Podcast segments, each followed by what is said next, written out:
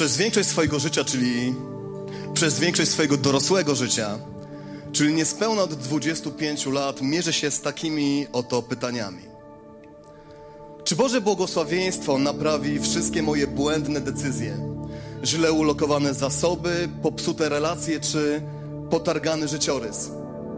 Bo przecież kiedy 13 lat temu na przekór wszystkiemu i na przekór wszystkim zainwestowałem pieniądze w niepewny biznes, w konsekwencji czego na moim koncie pojawił się dług w wysokości pół miliona złotych, to ludzie, którzy powoływali się na osobistą relację z Duchem Świętym, klepali mnie po plecach i mówili: Nie martw się, Pan już spłacił Twój dług. Czy Boże błogosławieństwo jest w stanie zastąpić moją bierność w tak kluczowych dla życia obszarach jak praca, jak powołanie, jak małżeństwo? Bo przecież od kiedy tylko jestem wierzący, wciąż na swojej drodze spotykam ludzi, którzy zawstydzają mi ogromem swojej wiary i mówią: Pan znajdzie mi żonę. Zaczekam. Bóg znajdzie mi pracę. Zaczekam. Bóg posprząta mój bałagan. Posiedzę i popatrzę. Czy Boże błogosławieństwo jest w stanie uchronić mnie przed prozą życia, przed trudem życia? Czy uchroni mnie przed poczuciem porażki? Czy Boże błogosławieństwo nie pozwoli mi poczuć smaku łez, rozłąki, frustracji, odrzucenia?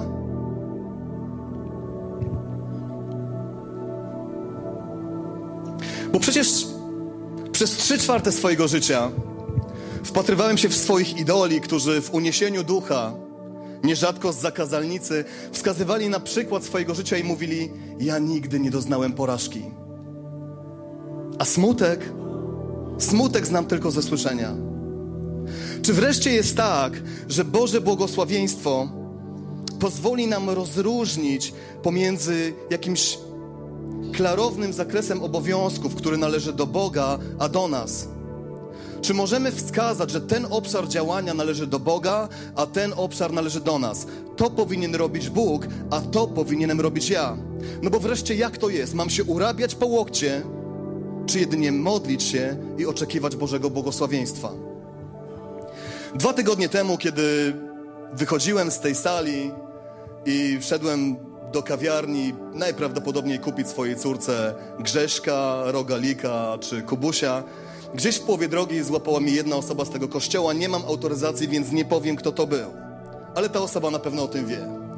I ni stąd, ni zowąd, chciałoby się powiedzieć, ni z gruchy, ni z pietruchy, zaczęła mówić mi o tym, że modliła się w ostatnie tygodnie o swoje zdrowie, ponieważ potrzebuje uzdrowienia, ale nagle przestała.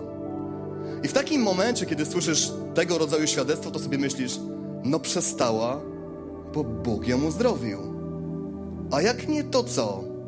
Zabrakło jej wiary? Zabrakło jej wytrwałości? Co sprawiło, że przestała się modlić?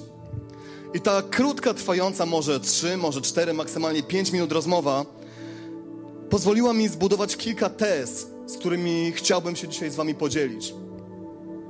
Mamy czelność i śmiałość, żeby modlić się do Boga o uzdrowienie ale brakuje nam motywacji, żeby o siebie zadbać.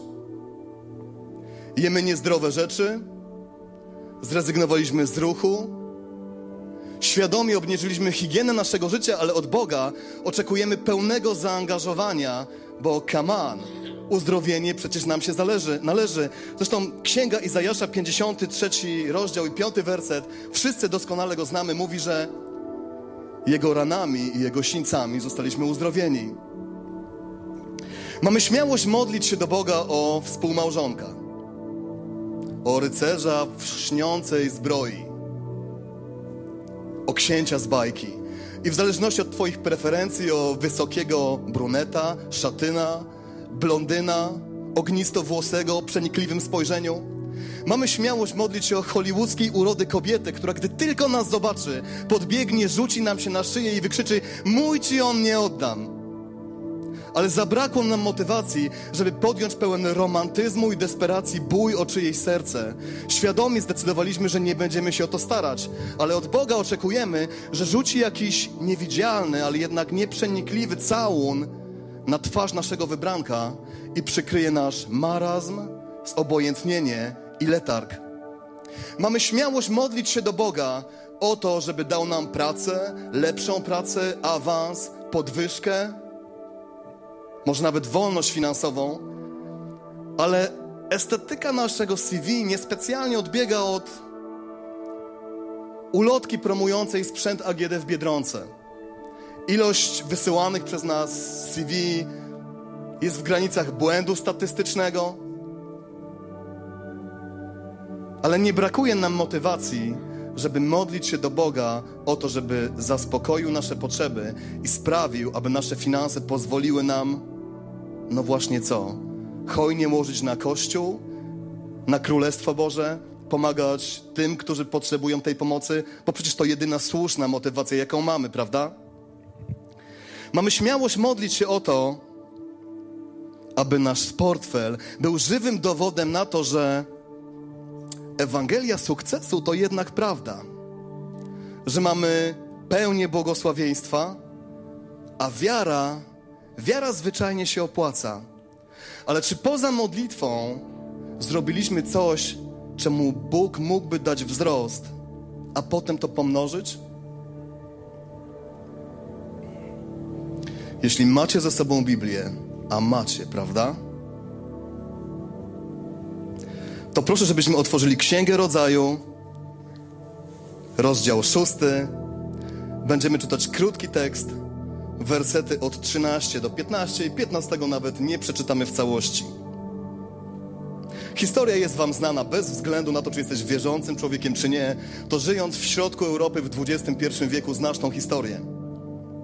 Rzekł wtedy Bóg do Noego: Położę kres wszelkiemu ciału, bo przez nie ziemia pełna jest nieprawości i zniszczę je wraz z ziemią. Zbuduj sobie arkę z drzewa żywicznego, zrób komory w arce i powlecz ją wewnątrz i zewnątrz smołą, a zrobisz ją tak. I tutaj następuje litania przepisów, która niejednego nowo zatrudnionego człowieka przytłoczyłaby swoją wielością i skomplikowaniem.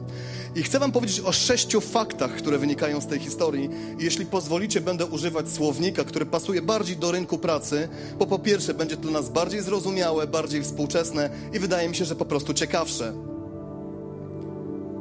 Fakt pierwszy. Bóg zatrudnił Noego, składając mu obietnicę, że jego praca nie będzie bezowocna. Zapewnił go o stosownym i adekwatnym wynagrodzeniu, ale nie powiedział, kiedy ono nastąpi. W zamian za to dał mu szeroki i bardzo nieszablonowy zakres obowiązków. Fakt numer dwa.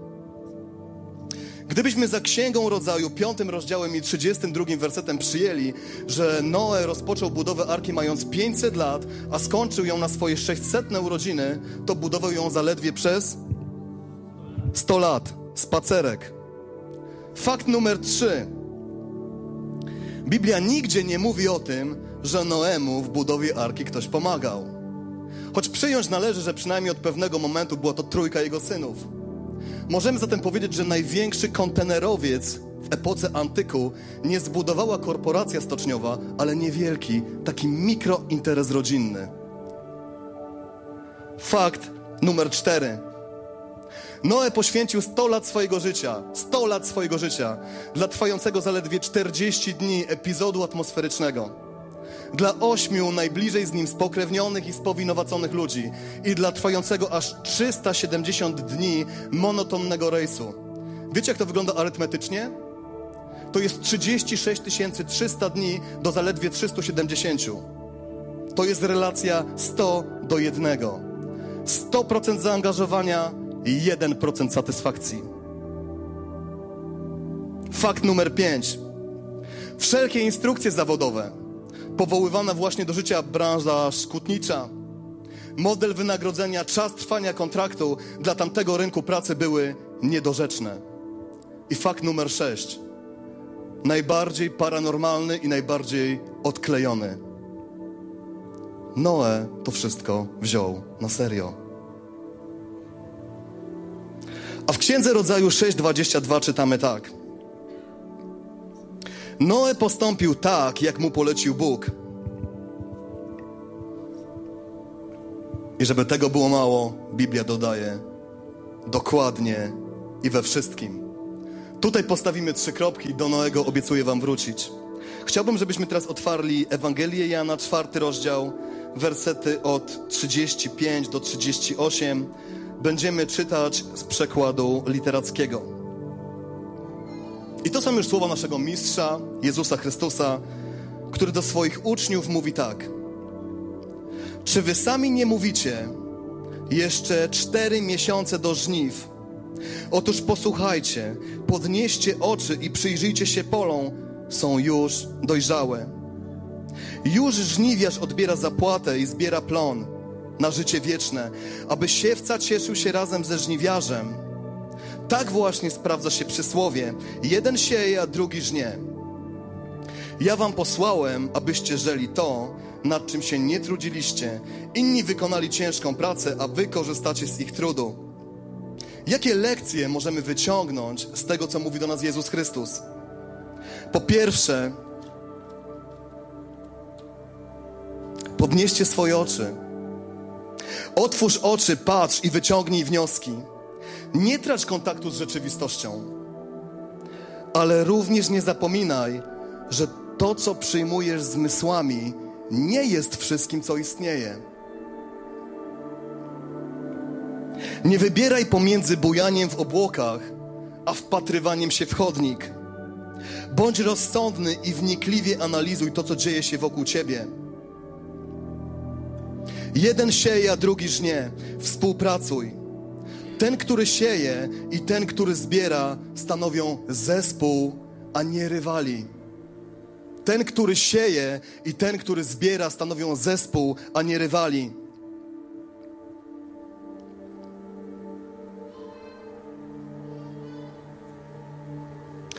Naucz się czerpać przyjemność z tego, co robisz. Ciesz się tym i nie zachowuj swojej radości wyłącznie dla siebie. Kiedy dzielisz się radością, to co robisz? To ją pomnażasz. Śmiech jest zaraźliwy, a satysfakcja z pracy czyni ją bardziej efektywną i mniej męczącą. Wreszcie, nigdy nie zapominaj, że to Bóg dał Ci taką możliwość. To Bóg postawił na Twojej drodze odpowiednich ludzi we właściwym miejscu i we właściwym czasie.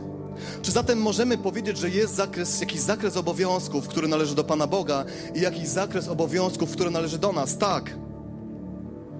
To Bóg daje możliwości, ale czy i jak z nich skorzystasz, to już Twoja odpowiedzialność. Pierwszy list do Koryntian, trzeci rozdział, wersety od 7 do 8. Nie liczy się zatem ten, kto sadzi, ani ten, kto podlewa, tylko Bóg, który daje wzrost. Między tym, który sadzi i tym, który podlewa, nie ma wielkiej różnicy. Stosownie do swego wysiłku każdy odbierze zapłatę. Nie wiem, czy zdajemy sobie sprawę, ale nie ma wielkiej różnicy pomiędzy proboszczem a kościennym. Nie ma wielkiej różnicy pomiędzy jokejem a stajennym. Nie ma wielkiej różnicy pomiędzy prezesem wielkiej korporacji a tym, który czyści w niej toalety. Wreszcie nie ma wielkiej różnicy pomiędzy tym, który głosi kazanie, a tym, który zamiata liście przed drzwiami kościoła. Dlatego, że tym, co pozwoli otrzymać zapłatę, nie jest pozycja czy rodzaj wykonywanej pracy, a poziom zaangażowania i stosunek do wykonywanych obowiązków. Czy jest zatem jakiś klarowny podział pomiędzy tym, co należy do nas, a tym, co należy do Boga? Naszym zadaniem jest wykonywać swoją pracę, ale to Bóg pomnaża jej owoce. W Psalmie 128 w drugim wersecie czytamy bardzo ciekawe słowa, które wydaje mi się w niektórych środowiskach dzisiaj byłyby nie do przyjęcia, szczególnie jeśli się w nie zagłębimy i spróbujemy zrozumieć, co na myśli mieli Izraelici. Psalm 128, werset drugi. Bo będziesz spożywać z pracy Twoich rąk, będziesz błogosławionym i będzie Ci się dobrze wiodło.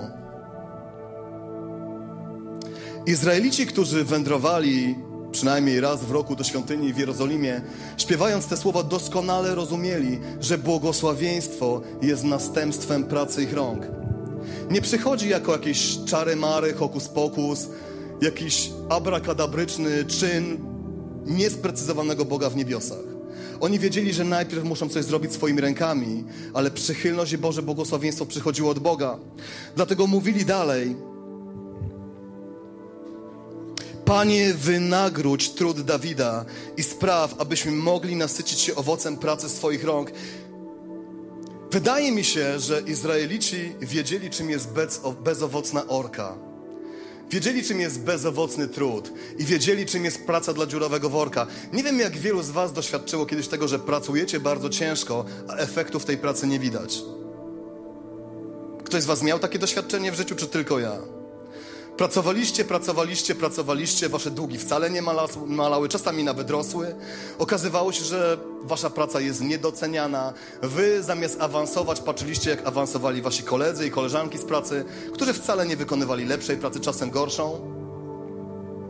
Izraelici doskonale to rozumieli kilka tysięcy lat temu. Dlatego mówili, Panie, pobłogosław nam i spraw, abyśmy mogli spożywać z pracy swoich rąk. To jest Boże błogosławieństwo. Ty pracujesz, ale Bóg również wyciąga ręce, żeby to pobłogosławić.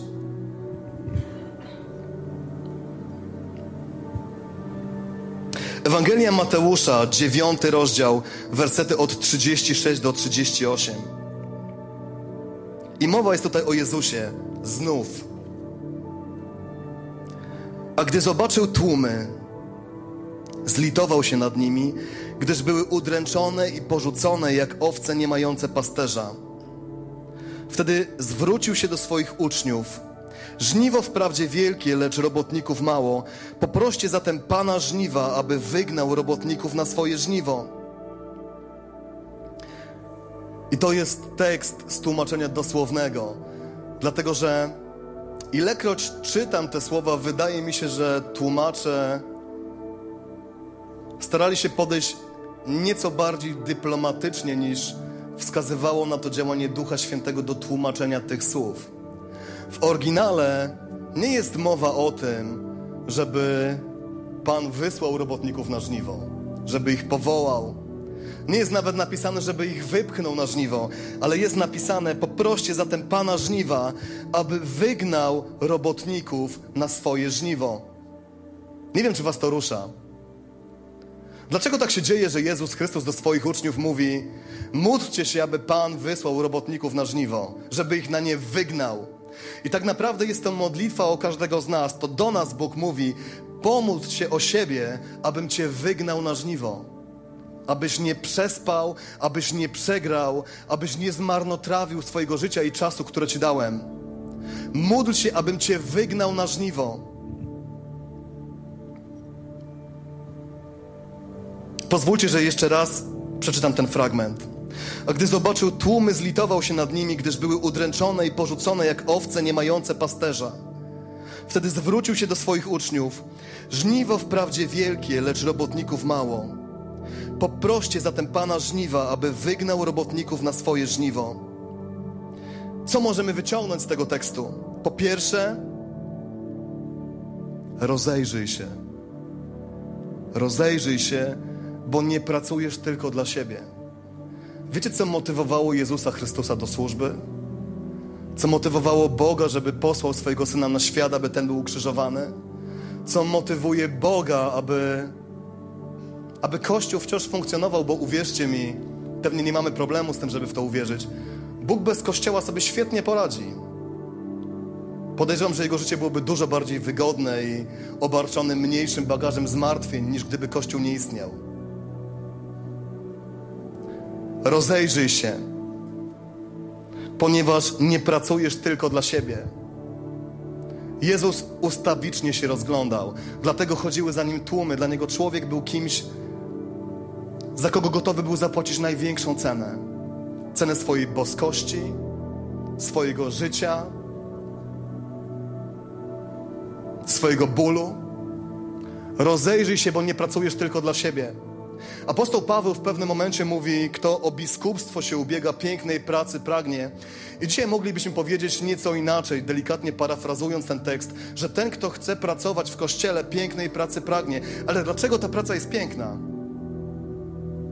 Uwierzcie mi, kosztuje wiele stresu. Zabiera wiele czasu. I mówię to przynajmniej ze swojej perspektywy. Czasami trudno czuć z niej satysfakcję i kiedy patrzymy w lustro, cały czas doskwiera nam jakiś deficyt, jakiś kompleks i mówimy sobie, możemy być lepsi. To kazanie mogło być lepsze, to uwielbienie mogło być lepsze, to nabożeństwo mogło być lepiej zorganizowane i tak dalej, i tak dalej. Ale to, co jest piękne w pracy w Kościele, to Wy. Więc kiedy Jezus mówił, rozejrzyj się, to chciał, żeby Jego uczniowie znaleźli motywację w ludziach, którzy ich otaczali. Jeśli nie zobaczysz tych, tej motywacji, tego ognia, tej przyczyny w ludziach, którzy są wokół ciebie, to Twoja praca nie jest potrzebna w kościele. Rozejrzyj się, nie pracujesz tylko dla siebie. Ktoś z Was żył w latach 90.? Ja muszę nawiązać. Muszę nawiązać. Gwiazda kina lat 90., osoba, której chyba nigdy nie cytowało się z zakazalnicy, bo w tamtych czasach nie wypadało, a dzisiaj pewnie też nie wypada, ale od czego jest serce metropolii? Sharon Stone powiedziała kiedyś: Sława bez celu jest zjawiskiem wulgarnym. A my możemy powiedzieć, że praca w kościele, skupiona tylko i wyłącznie na sobie, jest tak samo wulgarna, jak stanie za kazalnicą tylko po to, żeby połechtać swoje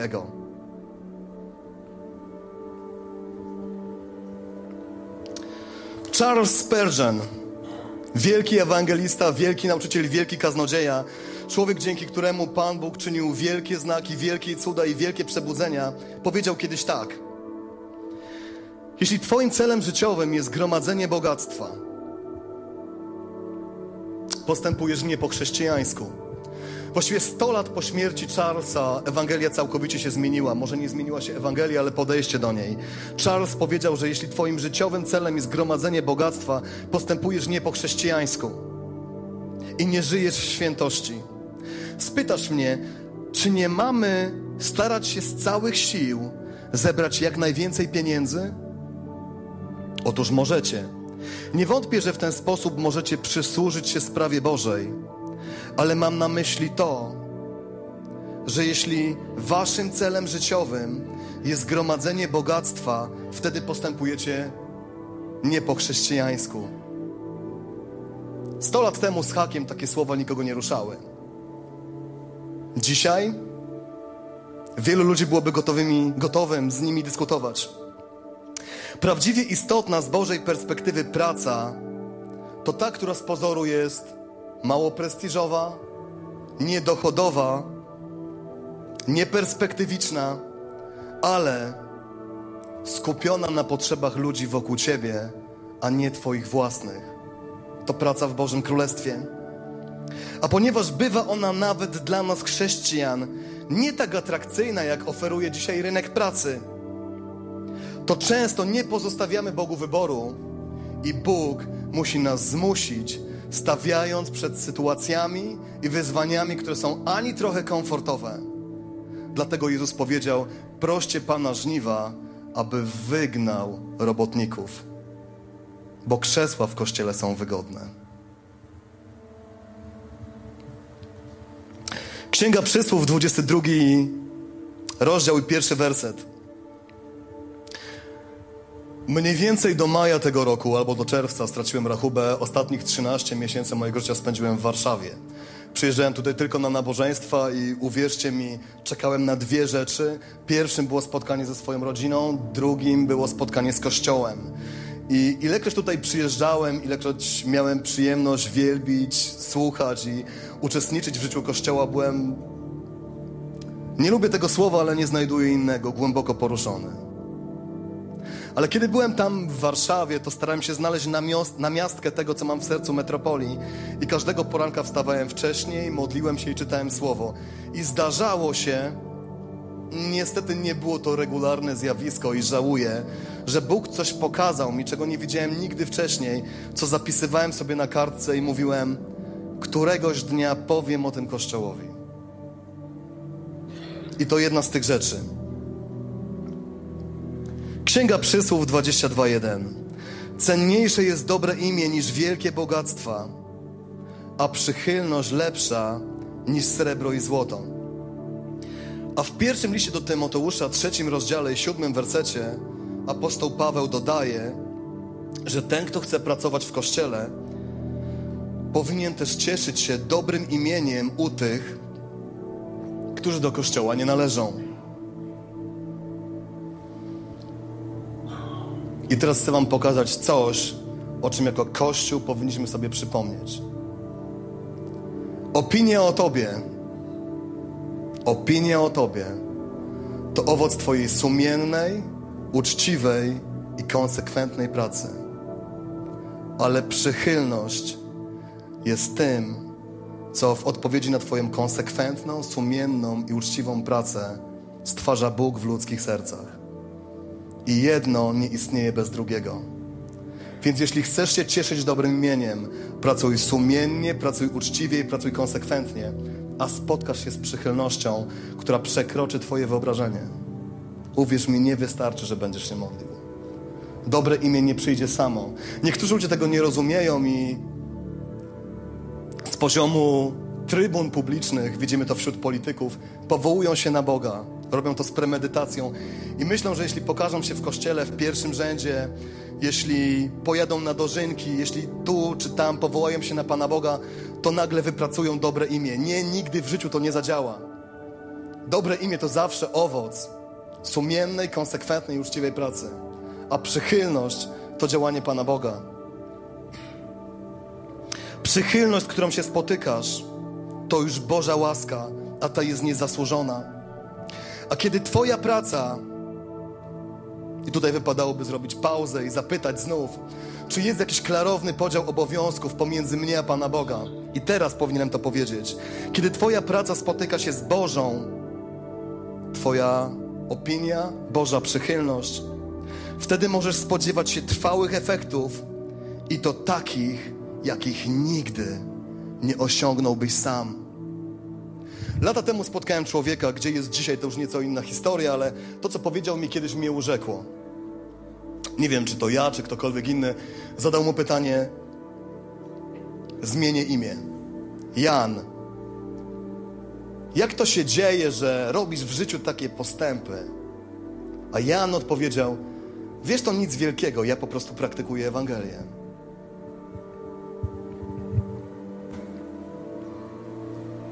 Pewien młody człowiek, to jest anegdota, to najprawdopodobniej nigdy nie wydarzyło się naprawdę, więc jak ktoś zapyta mnie o źródło tej historii, no to powiem, że jest czysto fikcyjne.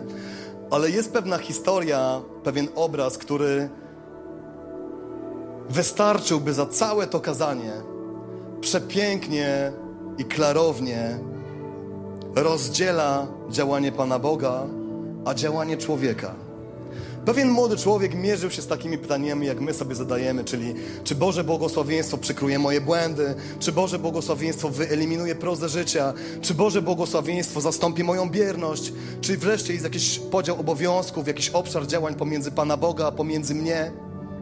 I wyruszył w podróż, bo wiedział, że gdzieś na końcu tej podróży czeka mędrzec, o którym ktoś kiedyś mu opowiedział, który zna odpowiedź na każde pytanie. Młody człowiek wyruszył. Po wielu dniach spotkał mędrca i zadał mu takie oto pytanie. Więc jak wytłumaczysz tą kwestię pomiędzy Bożym błogosławieństwem a ciężką pracą? Mędrzec wstał, wyprostował się, wypiął pierś, przenikliwym wzrokiem przeszył młodzieńca na wylot, uśmiechnął się i powiedział: Słuchaj, Wiem, do czego zmierzasz. Potem rozłożył ręce, spojrzał w prawo i powiedział: Po tej stronie widzisz wszystkich ludzi, którzy nie pracują albo którzy mają okropne nawyki w pracy, ale nieustannie się modlą, wierząc, że błogosławieństwo w końcu nadejdzie. Ale ich praca nie może być lepsza, musi być beznadziejna, bo w przeciwnym wypadku nie byłaby to wiara. Potem popatrzył w lewo i powiedział: A po tej stronie widzisz wszystkich bardzo pracowitych ludzi, którzy wstają o piątej rano, wracają do domu dopiero wieczorem, tych, którzy podążają za każdą okazją i dają z siebie wszystko. Ci również wierzą, ale w to, że seks, sukces, który w końcu nadejdzie, będzie wprost proporcjonalny do potu, który wyleją. Wtedy mędrzec jeszcze raz przeszył wzrokiem chłopca i powiedział mu tak. Dla mnie sprawa jest prosta. Sadzimy najlepsze ziarna, ale zawsze modlimy się o deszcz. Możesz szukać najlepszych ziaren, możesz je pielęgnować, możesz znaleźć dla nich najlepszą glebę, a potem je w niej zasadzić, ale jeśli deszcz nie spadnie z nieba, to Twoja praca będzie na nic. Podobnie sytuacja ma się wtedy, kiedy deszcz pada dzień i noc, a w glebie nie ma ziaren. Wtedy nie będziesz mieć nic. Więc co robimy? Pracujemy naprawdę ciężko, sadząc najlepsze ziarna, ale zawsze modlimy się o deszcz. Obiecałem powrót do Noego. Przepraszam, kompletnie nie wiem, która jest godzina, ale kazanie zbliża się do końca. Księga Rodzaju, szósty rozdział, 22 werset. Noe postąpił tak, jak polecił mu Bóg, dokładnie i we wszystkim. Noe postąpił we wszystkim tak, jak nakazał mu Bóg, dokładnie i we wszystkim. A wiecie, co się stało potem? Potem Bóg zesłał deszcz. I kiedy patrzymy na te wszystkie instrukcje, które dostał Noe, one mogą nam się wydawać totalnie niedorzeczne, abstrakcyjne, wręcz głupie. Oczywiście my z poziomu swojej wiary i swojego doświadczenia możemy stwierdzić, no ale jak to, Bogu trzeba ufać. Cokolwiek mówi Bóg, to najlepsze dla naszego życia. Ale gdybyśmy usłyszeli takie rzeczy jak Mojżesz, przepraszam, jak Noe, chociaż Mojżesz był nie lepszy, też miał trudno, ale gdybyśmy usłyszeli takie instrukcje, jakie otrzymał Noe, buduj coś przez 100 lat, a potem może, może, może doświadczysz nagrody, może będziesz mógł czerpać satysfakcję. Wtedy przyjdzie Twoja zapłata. Jesteś sam, Ty i trójka Twoich synów i zaczniesz robić coś, czego nie robił nikt wcześniej. W świecie, w którym prawdopodobnie nie znano deszczu. Jak często Bóg daje nam wskazówki, które wydają nam się totalnie odklejone, paranormalne, nierzeczywiste, nieadekwatne, co najmniej dziwne. Spotkaliście się z tym kiedyś? Jeśli nie, to prawdopodobnie nigdy nie czytaliście Biblii. Spróbujcie. Ale kiedy postąpicie dokładnie i we wszystkim, tak jak polecił wam Bóg, wtedy Bóg spuści deszcz. Amen.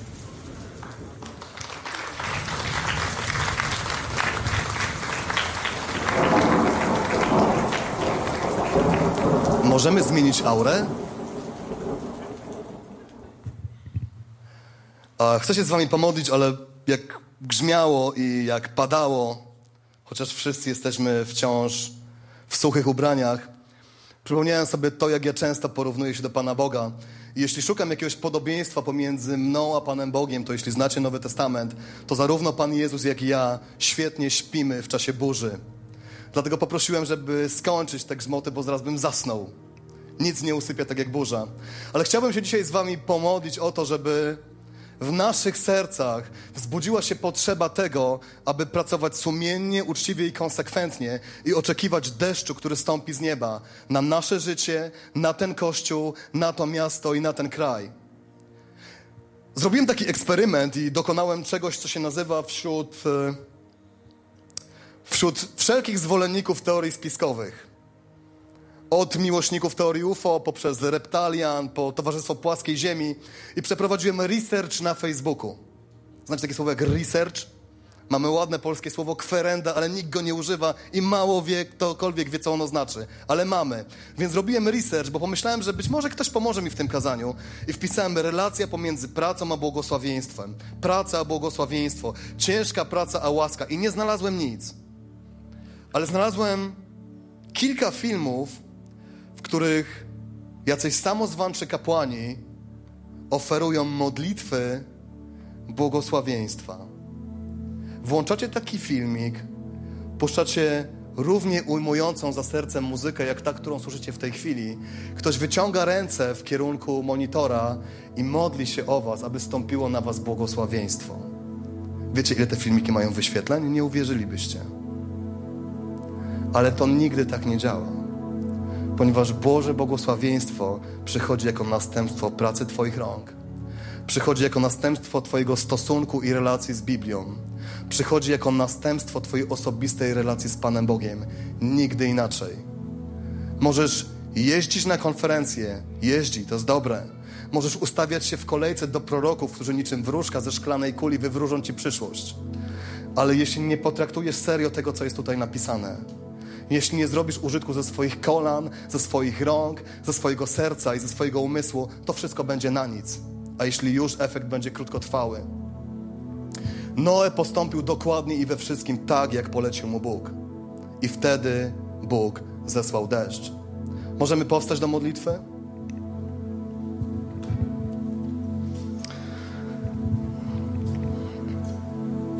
Panie, ja bardzo proszę Ciebie o to, żebyś dał nam doświadczyć prawdziwego błogosławieństwa. Nie takiego.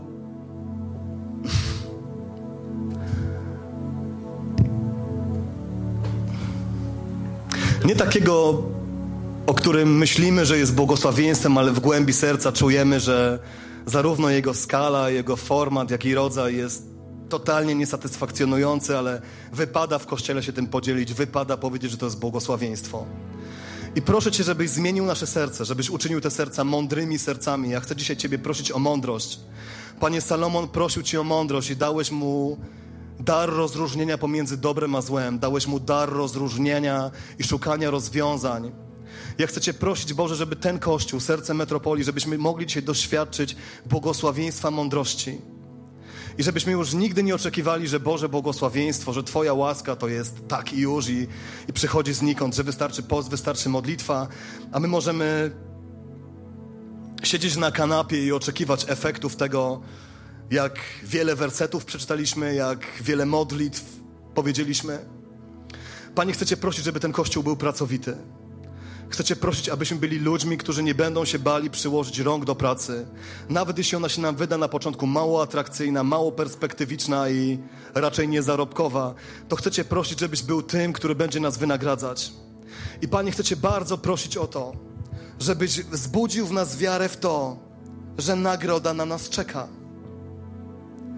I najpewniej nie za sto lat, tak jak czekała na Noego, ale wcześniej i nawet jeśli nie tutaj na ziemi, a w niebie, to chcecie Boże prosić, żebyś wzbudził w naszych sercach pragnienie szukania tego, co w górze, a nie tego, co na ziemi. Myślenia o tym, co w górze, a nie o tym, co na ziemi. Myślenia o nagrodzie w niebie, a nie o stanie swojego konta. Panie, proszę Cię, żebyś wyplenił z naszego myślenia i z naszego serca wszelką potrzebę i konieczność gonitwy za pieniędzmi. Ja proszę Cię, Panie, żebyś wzbudził w nas potrzebę szukania Twojego oblicza, poznawania Ciebie. I tak jak mówił apostoł Paweł, Boże, bo tak jeszcze nie jest w moim życiu, a bardzo bym chciał. Daj nam doświadczyć tego, co znaczy traktować wszystko jak gnój wobec doniosłości, jaką ma poznanie Ciebie. I proszę Cię, Panie, przywróć nam pierwszą miłość żeby te rzeczy, o których czytamy, które głosimy, nie były dla nas trudne. A jeśli będą dla nas trudne, sprawa, byśmy znaleźli motywację, aby przez nie przejść zwycięsko i wykonać swoją pracę. I móc powiedzieć, że wiarę zachowaliśmy, biegu dokonaliśmy, a teraz czeka nas nagroda w niebie, Panie. Abyśmy na łożu śmierci nie żałowali i nie mówili, jak wiele rzeczy nie zrobiliśmy, Boże, proszę, żeby nasza mądrość nie była tylko taką mądrością, która powie, wiem, czego robić nie należy, ale byśmy mogli powiedzieć, że wiemy, co robić należy i że to robiliśmy. Spraw, Panie, aby to był Kościół, który będzie inspirować, Sprawa, by to był Kościół, który będzie zarażać miłością do Ciebie. Sprawa, by to był Kościół, w którym nie będzie bezrobotnych. Sprawa, by to był Kościół, w którym nie będzie ludzi, którzy są nieświadomi swojego powołania. Panie, sprawa, by to był Kościół, że kiedy zadamy pytanie, czy ktoś z Was nie wie, do czego jest powołany, to nikt nie podniesie ręki. Duchu Święty, daj nam doświadczyć tego, jak dobry, jak prawdziwy, jak realny, jak pomocny, jak hojny, jak kochający, jak rzeczywisty i jak obecny tutaj jesteś w tej chwili. Panie, proszę Cię o namaszczenie mądrości, o namaszczenie pracowitości. Proszę Cię o nowy rozdział dla Kościoła. I proszę Cię, uzdolnij nas do tego, żebyśmy nie pracowali parą lewych rąk, ale aby nasza praca była owocna i trwała. Amen.